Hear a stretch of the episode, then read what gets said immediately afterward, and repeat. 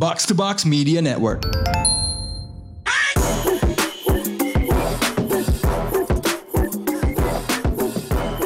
What up, what up? You're now listening to the most valuable basketball podcast in Indonesia. This is Box Out with me, Adit, as your host.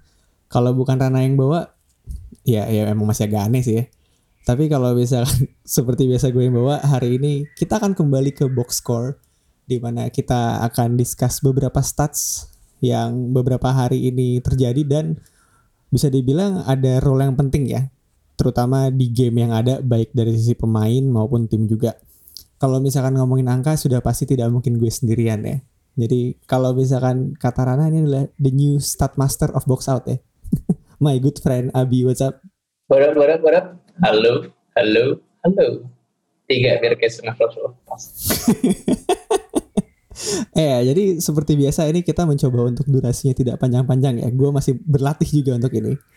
Jadi thank you juga sebelumnya buat semua yang udah dengerin box score edisi perdana. Ya, masih banyak kurang ya pasti. Jadi if you have any feedback, please do feel free to reach out us uh, via Sokmed ya, baik dari box out maupun dari ATTL Basket juga. Again, shameless promotion. Jadi for the past few days ini Abi sudah menemukan beberapa angka yang cukup menarik ya to say the least. Jadi angka pertama itu adalah 45,2 angka kedua itu minus 12 dan speaking of 12 hari ini salah satu pemain yang editor kita tercinta para masuka yang bernomor punggung 12 Bruce Bowen berulang tahun. Shout out Bruce Bowen to all Spurs fans. Original 3 ya original 3 loh itu. Yoi Terus angka yang ketiga itu adalah angka 0. Ini cukup generik sebenarnya. Ada apa dengan angka 0 itu sebenarnya? Dan angka terakhir itu adalah angka 81 dan no, bukan Kobe Bryant ya. No, that's not Kobe. in peace Kobe, tapi it's not Kobe. Yeah, yeah. Oke, okay, jadi uh, to start things over ya, kita ke angka pertama 45,2. Uh, ini angka 45,2 sebenarnya ada cerita apa di balik ini, Bi? From the oven banget ini. Karena ini adalah shooting percentage-nya Jazz dari games 1 through 4 of the series melawan LA Clippers. Gue 45,2 itu udah kebantu dan game 2 mereka sempat gila banget kan, I think 50% field, tapi ya yeah, I don't know, mungkin I don't think it's enough sih for them to beat the Clippers. So yeah, that's gonna be the story the next three games ya, karena mereka baru jadi kalah uh, game 4 sekarang seriesnya uh, situasi 2-2 kan. Yeah. And yeah, I think that's something to look into. Speaking of which, ini kalau nggak salah bahkan baru banget abis ya. Jadi bahkan sebenarnya beberapa saat lalu pas kita baru mulai take sebenarnya baru mau abis. baru mau habis, baru mau habis. Fresh banget makanya di benar-benar. Iya, iya, dan, dan bahkan ini, oh mungkin gue side tracking sedikit ya. Jadi sebenarnya kan harusnya take-nya sedikit lebih pagi, cuman karena gue vaksin dan telat ya, jadi mulainya lebih telat. Cuman back again. Jadi uh, 45,2 tadi seperti yang Abi bilang, uh, just uh, shooting percentage ya di uh, game, beberapa game terakhir ini gitu kan. Nah pertanyaannya adalah mereka bisa nggak sih uh, menang kalau misalkan tetap dengan uh, dead shooting percentage ya di bawah 46%. Gimana Bi? It's gonna be hard karena mereka bukan melawan Memphis Grizzlies yang notabene kalau lo lagi bad shooting night lo bisa handle defense dan um, hoping Memphis do not execute on offense ya karena lawan lo sekarang Clippers the number one three point shooting team in the league in the regular season number one free throw shooting team juga terms of akurasi dua-duanya.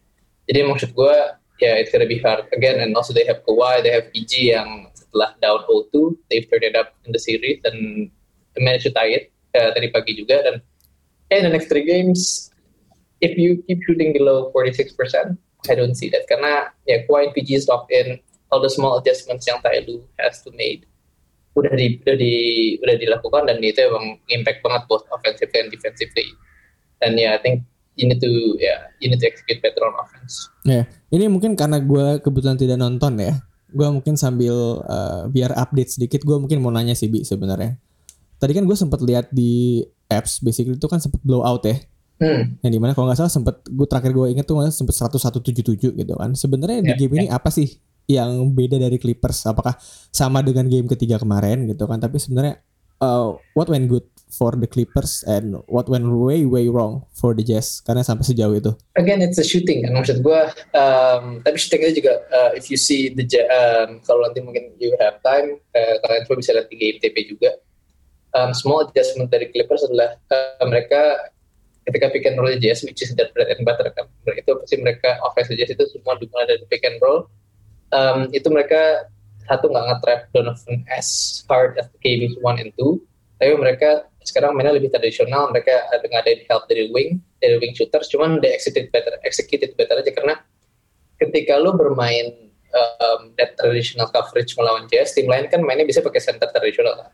But now you have the small lineup, you have Batum, you have uh, Mook juga yang bisa uh, nge-help dan juga recover fast. Jadi that threw off uh, the Jazz in the first two quarters and then um, I think at one point aside from Donovan, uh, I think Donovan Kiss skor lebih dari setengah poinnya mereka in the first half. I think that's not sustainable juga ya. Even though Joe Ingles played well, tapi again dia nggak dapat bola yang bisa dapat bola rotasi itu dia nggak dapat karena ya from the get go ketika mereka mau initiate itu the scheme from the Clippers is really unique dan menurut gue through off just uh, through just off their game in the in the first quarter. Ya, ini kan gue juga akhirnya sembari ngomong gue sambil mencari contekan ya. Gue lagi lihat box score again ini cuma angka gamblang yang tidak menjelaskan apa-apa sebenarnya. Dari semua pemain dengan uh, relevant minutes ya. Basically tadi pemain Jazz yang plus minusnya positif cuma Joe Ingles doang. ya itu dia karena it's, it's hard. I mean, ya yeah, Mitchell juga, I mean, when he's on the court, I think sempat lah memberikan spark, tapi ya as you know Jet itu kan kolektif kan mm-hmm. mereka nggak punya dua superstar kayak kayak Clippers atau kayak tim lain gitu they need ya yeah, they need that systemic flow to go and then ya ketika itu nggak bisa jalan ya, makanya mereka berada I think that's why they need their point guard back they need Mike Conley back sih ya nah karena lo sudah uh, nyebutin soal Conley ya karena kan empat game pertama ini biasanya Conley nggak main gitu kalau misalkan Conley balik ya di game 5 yang di mana masih questionable ya kalau nggak salah ya Bi ya. Mm-hmm. Will it be of any help buat Jazz? Of course, of course. I mean Conley runs the pick and roll much better than Donovan Mitchell ya. As a ball handler juga as a kayak uh, finding Gobert on the rolls, finding favors on the rolls, atau finding open shooters. Karena when Mitchell attack sometimes um, fokus dia kan adalah I want to score, I want to score, I want to score. Then he, he splits the double team so well and then explodes to to to to have a good layup. Tapi when you're with Conley, Conley pasti probing dulu ala Chris Paul, and then he, he, he will find that the right play to do. Jangan senyum-senyum mulu sebut Chris Kayak gitu sih. Jadi maksud gue ya, ada eh, pasti akan memberikan like, change of pace juga. And when the Clippers throw different schemes at the pick and roll, I think Conley can maneuver.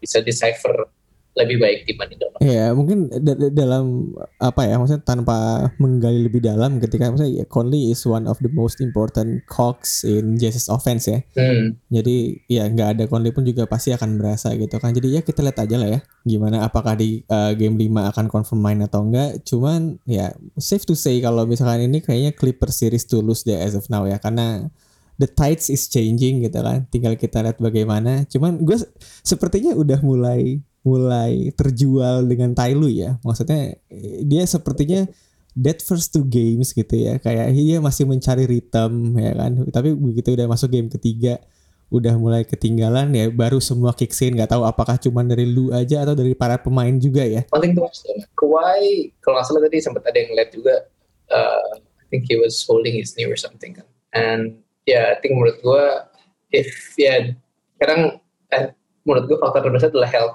karena as we know Kawhi kan juga kan lututnya kan bermasalah kan yang I'm not a doctor but kalau nggak salah terminologi itu tendon tendon apa atau something yang di mana dia emang kalau misalnya loading kebanyakan dia ada sedikit inilah uh, degradasi kualitas gitu kan di, di kakinya. Iya. Yeah. Nah menurut gue if you're the Clippers, you, eh, kalau gue jadi tanya dulu I mean you cannot go 0-2 down in every series karena kalau lu down 0-2 series itu pasti minimal 6 game kan. And dia yeah. superstar yang tiap makin banyak lu pakai makin jelek so ya yeah, that's gonna be something to watch aja sih. Iya ya, eh, tapi itu bakal menarik juga sih. Jadi ya we shall see lah. Kita geser kali ya. Sekarang ke angka, angka kedua yaitu adalah angka minus 12. Uh. Jadi uh, angka minus 12 ini adalah gue uh, jumping in dikit ya Bi ya. Basically itu adalah plus minusnya Brooklyn Nets mm -hmm. pada saat Kyrie dan Harden nggak main selama di playoff season ini yang di mana totalnya ya tanda kutip cuman 19 menit ya. Tapi yeah, yeah. considering Kyrie cedera, Harden juga belum ada indikasi akan main lagi ya. Jadi pertanyaan pertamanya adalah uh, can the Nets survive Bi? with only Kevin Durant on the lineup as uh, one of the three-headed monster. Gimana ya? it's it's hard karena walaupun kalau gue lihat juga dari line apa itu it's it's offensively super good kan gue ketika lu keluar mereka dua orang itu have Mike James which is not at Kyrie level tapi at least he can you know, he can he can ball out lah he can ball tapi ya I don't think it's I don't think it's gonna be fair sih karena ya yeah, you know the roster was constructed to to a certain degree di mana lu lu bisa mengeluarkan one of those three headed uh, dragons uh, setiap saat kan. Lu nggak akan kehilangan hmm. offensive firepower but Durant can play 38 minutes. He's coming off an Achilles injury dan kawan-kawan dia juga sempat cedera um, calf injury kan untuk uh, regular season. So if he plays just uh, 40 minutes 41 minutes yeah I don't know how the Bucks uh, I don't know how the Nets are going to survive that 7 minutes and dia ada lapangan that's gonna be super easy. But I don't see them going. I think this the Bucks series to lose but I don't know. Mungkin mungkin coach Bud a Bud and surprise all dengan kalah dari Nets tanpa Harden dan Kyle. I don't know man. I just don't feel good for the Nets. Uh, actually, the Bulls back in Bud's court ya, karena gue tidak tidak apa ya, bukan akan uh, tidak membilang cedera yang dialami Kyrie sama Harden itu adalah sebuah blessing ya, tapi on Coach Bud's case, ya yeah, it's a blessing lah ya. Maksudnya di mana ya apa his job is on the line. It has got to be on the line gitu loh. Maksudnya apalagi di yeah, kondisi yeah. sekarang uh, cuman tanda kutip duran doang ya gitu kan. Uh, it's the Bucks series to lose. Meskipun di sini gue cukup penasaran dengan gimana uh, Steve Nash slash Mike D'Antoni bakal bikin adjustment kan adjustmentnya nanti Nashnya yang main. Gantiin. Gantiin Kyrie. Main left ya, jadi, ya kita lihat aja lah uh, Jasmine gimana. Tapi again gue berharap ya this has gotta be Bucks year ya. Terlepas dari Budenholzer dengan segala macam kelakuan kelebihan dan kekurangannya. Cuman I wanna see Yanis goes deep in the playoffs gitu. Jadi ya tanpa babi bu panjang-panjang kita geser lagi lah ya. Boleh boleh. Basically angka ketiga angka paling generik yang ada ya. Karena semua selalu dimulai dari nol kan. Bukan iklan. Jadi basically angka nol ini adalah uh, jumlah total angka Trey yang sorry jumlah three point yang dibuat oleh Trey yang selama dijaga oleh Ben Simmons di series kemarin. Yang di mana itu kurang lebih kalau uh, according to contekan yang Abi buat adalah 50 partial possessions. Mungkin sebelum uh, kita lanjut gue juga mau tanya dulu kali ya sebenarnya uh, 50 partial possessions ini maksudnya apa sih? Jadi kayaknya itu kan karena they track with the AI stuff kan nggak dilihat from ataman itu satu jadi dihitungnya adalah ya partial possession itu nggak um, full satu possession tapi ya kira-kira uh, equivalent dari menit atau dari ini gitu. Karena kan kalau possession kan biasanya kan kalau dihitung tuh lu um, ketika keluarnya uh, apa namanya itu ketika lu uh, ketika output dari possession itu yang lu kayak itu either shots, free throws atau turnovers kan. Jadi partial itu ketika dihitung ya kira-kiranya dia menjaga Ben Simmons menjaga Trey yang sebanyak 50 It's quite a lot karena ya I think that's more than half a game of basketball. Dan itu ya lumayan sih. I mean accounting for switches gitu. Ya yeah, dan ya yeah, 50 possessions tanpa perlu tahu partial possession sebenarnya apa juga it's a lot ya. Hmm. Even kalau misalkan dalam dua uh, empat over the apa course of the series udah ada 50 possessions sebenarnya udah ketahuan kan dan angka 0 tuh cukup sangat spesifik kan apalagi untuk seorang Trey Young gitu. Nah, mungkin gue akan shifting fokus ya instead of Trey yang yang nol tapi lebih ke gimana caranya Ben Simmons bisa mentackle itu. Seperti yang kita tahu kan uh, Rudy Gobert baru dinobatkan kembali uh, sebagai defensive player of the year kalau nggak salah ini berarti ketiga kalinya ya dia dapat gelar itu. Yeah. Ya. Yeah. Nah, dan yang sebenarnya menarik itu bukan masalah Gobert dapat uh, that his third DPOY ya, tapi lebih ke fakta bahwa ada span waktu di mana Ben Simmons menjual gitu ya, menjual narasi bahwa gue defensive player of the year gitu kan. Dan yang uniknya adalah uh, he he didn't speak any bull gitu ya. Maksudnya there's gotta be something to it gitu lah yang di mana dia punya argumen untuk itu meskipun memang kalau misalkan dari kacamata gue pribadi ya terkadang untuk award seperti itu kan akan melihat statistik ya yang di mana hmm. statistiknya seperti yang kita tahu defensive statistics di NBA aja belum ada pakemnya nih. Yeah. Jadi yang di mana on that basis alone udah jelas uh, the favor is uh, within Rudy Gobert, right? Nah, pertanyaan yang menarik adalah uh, Ben Simmons akan dapat selama uh, over the course of his career ya, akan dapat DPOY gak bi? I think menurut gue mungkin sih karena uh, menurut gue nanti akan ada saatnya di mana lu quote unquote voters fatigue juga kan yang kemarin seperti sebut juga di grup di mana ketika Gobert udah menang ini berkali-kali but if Utah cannot advance more than the mungkin sekarang kalau mereka nanti habis ini kalah di oleh Clippers di semifinals orang pasti kayak "Ya udahlah Gobert has enough um, recognition in the regular season cukup tiga and then we want to see him advance uh, in, in, in the postseason di playoffs baru kita kasih lagi baru baru dia akan dapat the next level of recognition karena untuk tiernya Gobert sekarang ya udah cukup gitu. If you give someone too many regular season awards, it can inflate their value juga kan in that historical. Ya maksudnya in the, in historical sense kan kayak I mean Gobert is really good, but you don't want to give him four karena four is reserved for only the best of the best, MVP dan kawan-kawan. Um, ya menurutku itu sih. Uh, I think Simmons kalau dia bisa Sixers can stay this level dan kawan uh, up defensive uh, efficiency dan juga bisa ngeliatin bahwa gue benar-benar lebih uh, gila. He takes on the best uh, in life. Karena sekarang kan rada diluted karena lu punya Tybal lu punya Danny Green. Mungkin ketika tahun depan udah berkurang Danny Green cabut sama anak untuk mencari ring ke berapanya itu mungkin dia bisa shoulder the load and take the best defensive uh, assignments each and every night. Lebih kelihatan lah. Atau mungkin ngomongnya dari awal season kali dia sebelum main udah ngomong atau enggak karena dia dia helps kan kadang-kadang? Eh, tapi benar kalau gue nggak salah kan juga Yanis pas dia both MVP and DPOY juga jual dari awal kan? Maksudnya harus. I, I'm I'm gunning for the title gitu lah. I'm gunning for the DPOY title and he earned it gitu. Jadi ya itu jadi mungkin input buat Ben Simmons jangan di belakang-belakang lah dari awal. Iya, dan dilihat kan. Iya.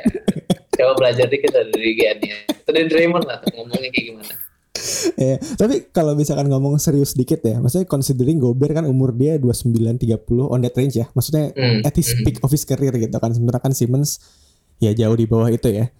Considering bahwa Gobert's defense terlepas dari uh, kepiawa uh, ke, bah, kebagusannya Quinn Snyder untuk meng-create the system around Gobert gitu ya. But he needs that athleticism right. And as we all know dengan pemain-pemain yang membutuhkan athleticism ketika itu mulai menurun ya sudah pasti outputnya akan menurun kan. Jadi it's not a long shot lah kalau misalkan dibilang uh, Ben Simmons akan memenangkan DPOY within a few years. Tapi dengan dengan catatannya itu ya dia harus jualan dari awal karena kalau enggak ntar kalah lagi gitu. Ya, itu dia itu dia dan ya, mungkin ya one of the biggest ini nanti uh, apa ya, kompetitornya adalah tim itu sendiri. Maybe we can see Tybal also gunning for that kalau dia jadi starter eventually. Oh, and speaking of which, tadi kan all defense juga di share ya. Gue lupa siapa-siapanya. Cuman basically Sixers punya Embiid, Tiga, Simmons, dan Tybal ya. iya Yang di mana ya it says a lot gitu kan. Dan ada jokes juga kan Lakers dengan defensive uh, rating paling bagus, tapi tidak ada pemain Lakers di all defensive team. ya gitulah. eh, kita mungkin geser ke hal yang sedikit serius ya gitu kan. If you're Nate McMillan, kan bisa dibilang ini nyambung dengan apa yang gue bilang di awal ya karena dengan uh, Trey yang belum memasuki three point sama sekali pada saat dijaga Ben Simmons gitu kan. If you're Nate McMillan, what would you do to get Trey more open looks? Bi? Uh, mungkin play him when Ben is not on the court. That's number one. Tapi itu juga harus susah karena ujung-ujungnya lo ketemu Tybal kan. But I think he, he, he's had quite success uh, against Tybal dibanding dengan Simmons. But kalau emang lagi ada Simmons, I would then play three sedikit off ball, uh, either nggak stationary tapi kayak in motion, trying to get the dribble hand off atau kayak uh, nerima dari stagger screen dari off screen. Karena menurut gua ketika three yang bobol dan Simmons sudah set gitu loh. Simmons commands the floor kan jadi dia yang punya leverage on the floor dan Simmons itu is not only physically good tapi dia juga angling defense yang ngerti. He knows how to angle three out of a shot. Karena ketika Trey mau floater atau mau apa dia tahu gimana cara menutupnya sehingga with his length he can cover uh, Trey shooting ini shooting peripherals. Jadi ngeliat Trey shooting ke mana bisa dengan gampang diganggu. Cuman ya itu kalau misalnya lu bawa Trey off ball Simmons kan akan trailing kan most of the time. Yeah. karena as we know Trey is faster than Ben Simmons. As good as a physical specimen Ben Simmons is you can ask Kendall Jenner. Um, Trey is still faster. Trey is still faster in, on the court ya di lapangan. gue nggak tahu Faster ya itu di mana? Kalau lu bisa terima bola di kayak gitu ya ya it's gonna be disadvantage to Ben. And then ya the Sixers will have to uh, apa namanya itu adjust on the on, on the fly kan ketika ngeliat coming downhill kayak gitu harusnya sih itu dikembangkan Ya, basically sekarang kan uh, the series is two and two ya. hmm Karena tadi juga tuh. bisa sa- sa- somehow Hawks bisa menang gitu ya. Cuman ya we shall see ya gimana di ya, game 5 dan seterusnya nanti gitu kan. Oke, mungkin biar kita tidak membahas ini terlalu panjang ya, kita geser ke angka terakhir, angka 81 again bukan Kobe but rest in peace Kobe ya.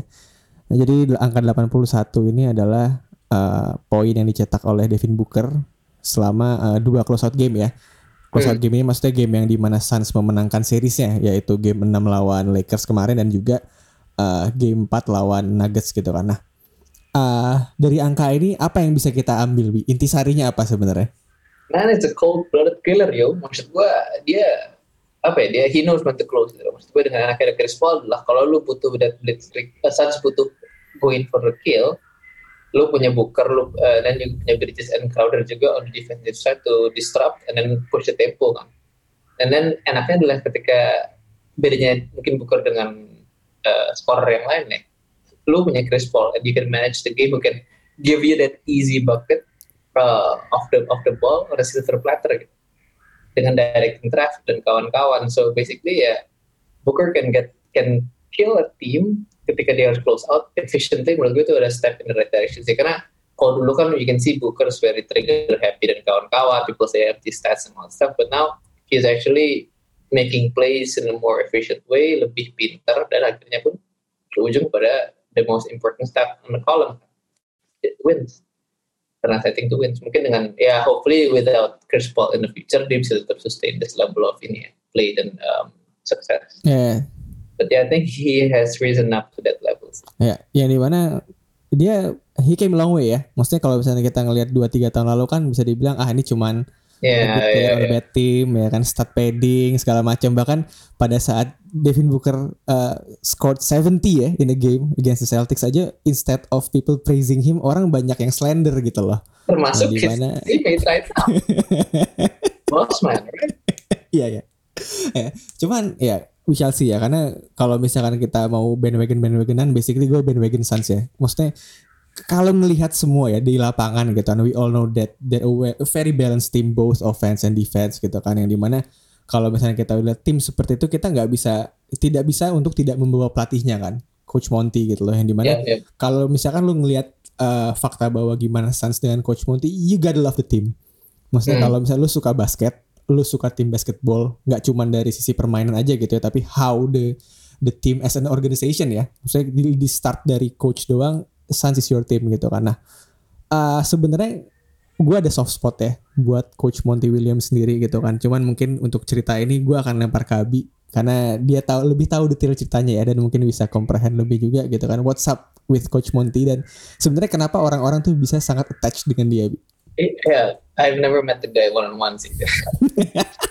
But reading the stories itu katanya karena um, karena dia waktu di sempat kan waktu dulu uh, ketika di he coach CP3 di Pelicans juga kan. Itu namanya masih Hornets ya, salah. ya Nets Pelicans. Tapi yang maksud gue dia he did a good job there and I think he was he was let go terus dia ke Thunder di 2000 uh, jadi asistennya Thunder. Terus tahun 2016 I think there's a, tra- a tragedy hit di mana istrinya meninggal kecelakaan. Uh, apa namanya itu kecelakaan mobil. Tapi maksud gue I think yeah, that, that news karena you know someone's a great guy ketika almost all I mean yeah, people would send condolences because of tragedy tapi the, the level of support for Monty at that time was overwhelming. Gue juga ngeliatnya kayak wah kan dulu masih Bleacher Report kan kayak the main Yeah. source. Kayak wah ini benar-benar kayak everyone's um, saying condolences dan kawan-kawan. And then to see him kind of bounce back from that. Ada kayak juga cerita dari interview dia ketika dia mau open up how he managed to eh, console his kids dan kawan-kawan. I mean as, as a father you, you you see that angle kan. You see that fatherhood figure. You see that he's a really, really respected guy and really likable guy dan ketika lu lu lihat aja interviewnya Monty I mean he's always praising people before taking the credit dan kawan-kawan and yeah, the fact that James Jones picked this coach gave Monty uh, the chance and then trusting the team to Monty and then getting uh, pulling the trigger on trades uh, CP3 getting Torrey Craig juga begitu kunci banget kan. Getting Darius Saric juga who's been a really really good player in the playoffs. Menurut gue ya kudos to Monty and also again hat tip to our supreme leaders Jones. Jadi mungkin buat yang nggak tahu yang nggak tahu ya, basically Supreme Leader Jones ini adalah inside jokes gue sama Abi ya. Karena gue beranggapan bahwa sebenarnya otak dari semua yang terjadi dengan karir LeBron ya, karena terkait dengan kejuaraan-kejuaraan yang eh sorry championship yang dimenangi oleh LeBron itu semua berawal dari situ gitu loh. Jadi sebenarnya ngajarin LeBron bagaimana LeBron bisa semeticulous sekarang itu sebenarnya Jones. Makanya akhirnya datanglah Supreme Leader Jones yang berasal dari Supreme Leader Snokes. Oke, okay, referensinya sangat sangat geek ya. Jadi but, but nonetheless uh, kudos to James Jones. Maksudnya San seperti yang kita tahu kan sebelum dia datang tahun 2018 ya seperti yang kita tahu lah gitu kan non existent dengan datangnya Jones dan juga uh, eventually picking up Monty Williams, ya it pays off gitu kan sejauh ini kan.